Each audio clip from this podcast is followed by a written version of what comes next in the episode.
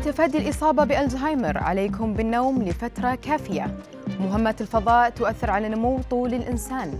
نظريات مؤامرة حول كورونا تزيد من خطر العدوى. أبرز أخبار الساعة الأربع والعشرين الماضية في دقيقتين على العربية بودكاست.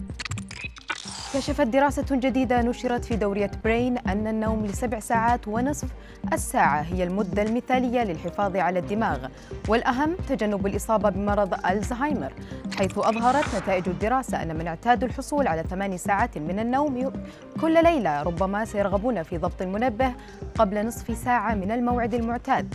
يعود السبب إلى أن فترات النوم القصيرة والطويلة ارتبطت بأداء إدراكي أسوأ ربما بسبب قلة النوم أو سوء نوعية النوم. فيما لفتت إلى أن أولئك الذين ينامون لفترات قصيرة للغاية أو طويلة جدا يعانون بمرور الوقت من تدهور إدراكي. الرحلة للفضاء لها تأثيرات سلبية على رواد الفضاء.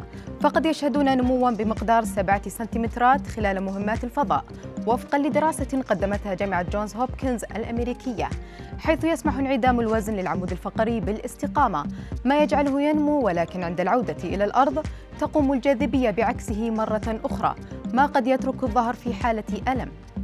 ووفقا للدراسة فنحو 52% من رواد الفضاء يعانون من ألم الظهر في أول يومين إلى خمسة أيام من السفر إلى الفضاء.